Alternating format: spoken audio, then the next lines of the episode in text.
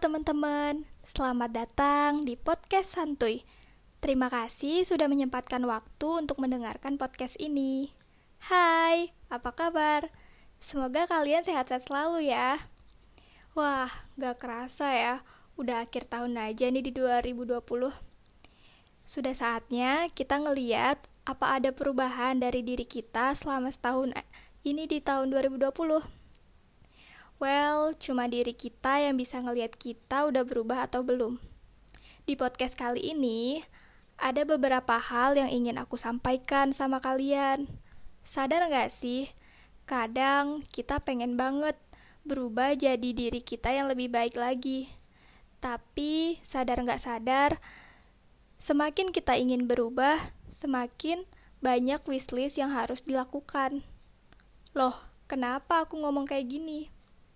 Ya karena pada saat proses aku ingin memperbaiki diri sendiri itu ada banyak poin-poin yang harus aku list dalam diri. Kayak misal, wah aku harus lakuin ini, aku harus lakuin itu. Ada banyak hal, ekspektasi-ekspektasi lainnya yang ingin aku buat dan hal itu ngebuat aku jadi maksa, jadi kayak orang lain tapi emang berubah itu harus lebih baik ya. Berubah itu penting. Ya karena dengan cara kita mempoinkan goals yang akan diharapkan akan membuat kita bersemangat jadi pribadi yang lebih baik lagi. Tapi gak boleh kita berekspektasi terlalu tinggi. Buatlah poin-poin yang sesuai dengan standar diri kita sendiri jangan memaksa Jangan maksa dengan adanya poin itu, yang ada kamu malah jadi pengen berekspektasi tinggi. Ntar jatuhnya malah kecewa gitu.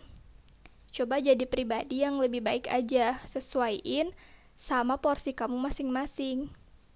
Aku belajar banyak dari 2020 ini, bahwa yang namanya waktu itu bisa menyembuhkan dari berbagai hal mulai dari pertemanan yang beragam, karakter yang berbeda-beda, sampai hubungan toksik yang pernah aku dengar dari cerita sahabatku.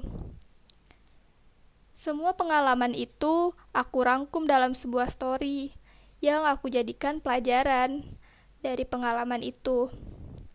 Pengalaman yang aku ambil sebagai acuan proses pendewasaan diri. Setelah 2020 ini berakhir, aku harap ada suatu pencapaian yang bisa aku capai. Akan lebih indah bila nanti waktunya sudah tiba ada air mata bahagia yang bisa aku dapatkan. Karena 2020 ini rasanya cepet banget, mulai dari awal bulan Maret sampai ke Desember. Mulai dari awal-awal pandemi ini datang ke Indonesia, semua sekolah, kampus, bahkan pekerja, semuanya diliburkan. Semua belajar dari rumah, semua bekerja dari rumah. Semuanya study from home dan work from home. Awalnya pemerintah bilang kita harus dikarantina di rumah aja selama 14 hari. Eh, ternyata dikarantina sampai sekarang dong. Dari awal Maret sampai Desember aku sih nggak nyangka banget di tahun 2020 ini menjadi tahun terberat buat kita semua.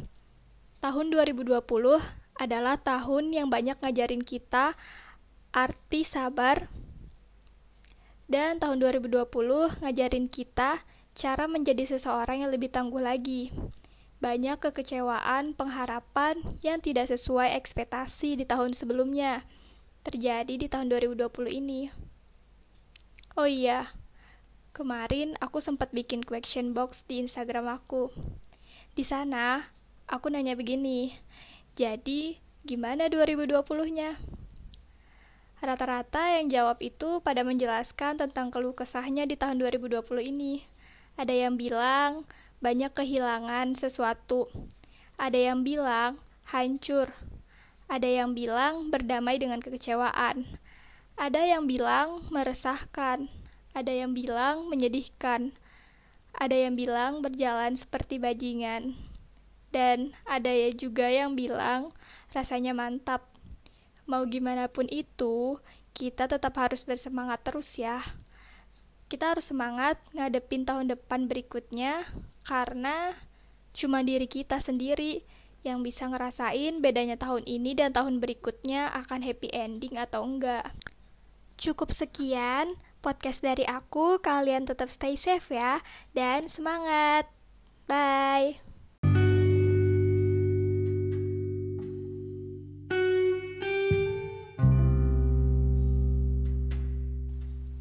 Teman-teman, selamat datang di podcast santuy. Terima kasih sudah menyempatkan waktu untuk mendengarkan podcast ini. Hai, apa kabar? Semoga kalian sehat-sehat selalu ya. Wah, gak kerasa ya, udah akhir tahun aja nih di 2020. Sudah saatnya kita ngeliat apa ada perubahan dari diri kita selama setahun ini di tahun 2020. Well, cuma diri kita yang bisa ngelihat kita udah berubah atau belum. Di podcast kali ini, ada beberapa hal yang ingin aku sampaikan sama kalian. Sadar gak sih? Kadang kita pengen banget berubah jadi diri kita yang lebih baik lagi. Tapi sadar gak sadar, semakin kita ingin berubah, semakin banyak wishlist yang harus dilakukan. Loh, kenapa aku ngomong kayak gini? Ya karena pada saat proses aku ingin memperbaiki diri sendiri itu ada banyak poin-poin yang harus aku list dalam diri. Kayak misal, wah aku harus lakuin ini, aku harus lakuin itu. Ada banyak hal, ekspektasi-ekspektasi lainnya yang ingin aku buat dan hal itu ngebuat aku jadi maksa, jadi kayak orang lain tapi emang berubah itu harus lebih baik ya. Berubah itu penting. Ya karena dengan cara kita mempoinkan goals yang akan diharapkan akan membuat kita bersemangat jadi pribadi yang lebih baik lagi.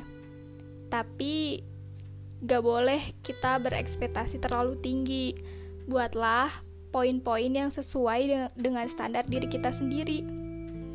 Jangan memaksa Jangan maksa dengan adanya poin itu, yang ada kamu malah jadi pengen berekspektasi tinggi. Ntar jatuhnya malah kecewa gitu. Coba jadi pribadi yang lebih baik aja, sesuaiin sama porsi kamu masing-masing.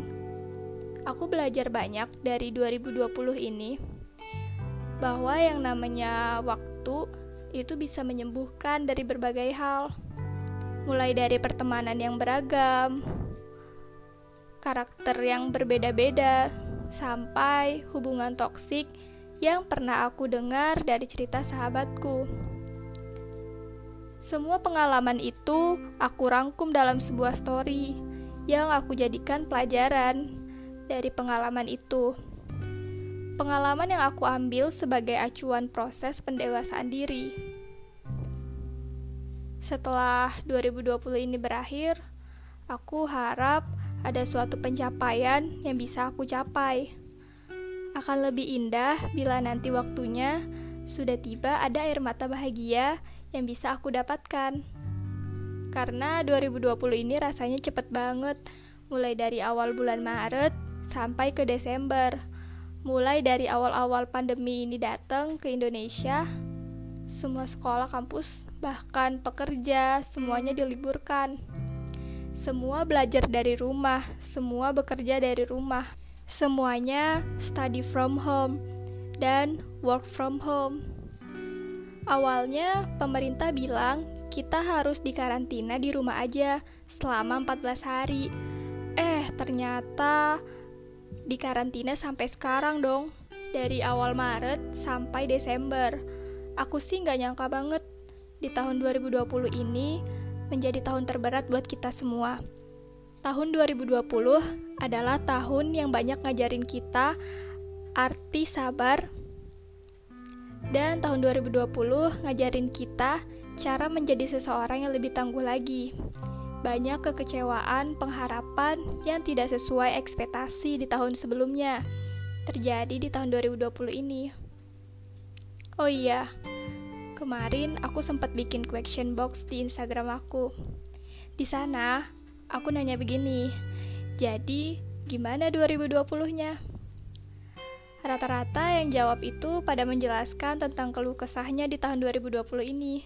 Ada yang bilang banyak kehilangan sesuatu. Ada yang bilang hancur. Ada yang bilang berdamai dengan kekecewaan. Ada yang bilang meresahkan. Ada yang bilang menyedihkan. Ada yang bilang berjalan seperti bajingan dan ada ya juga yang bilang rasanya mantap. Mau gimana pun itu, kita tetap harus bersemangat terus ya.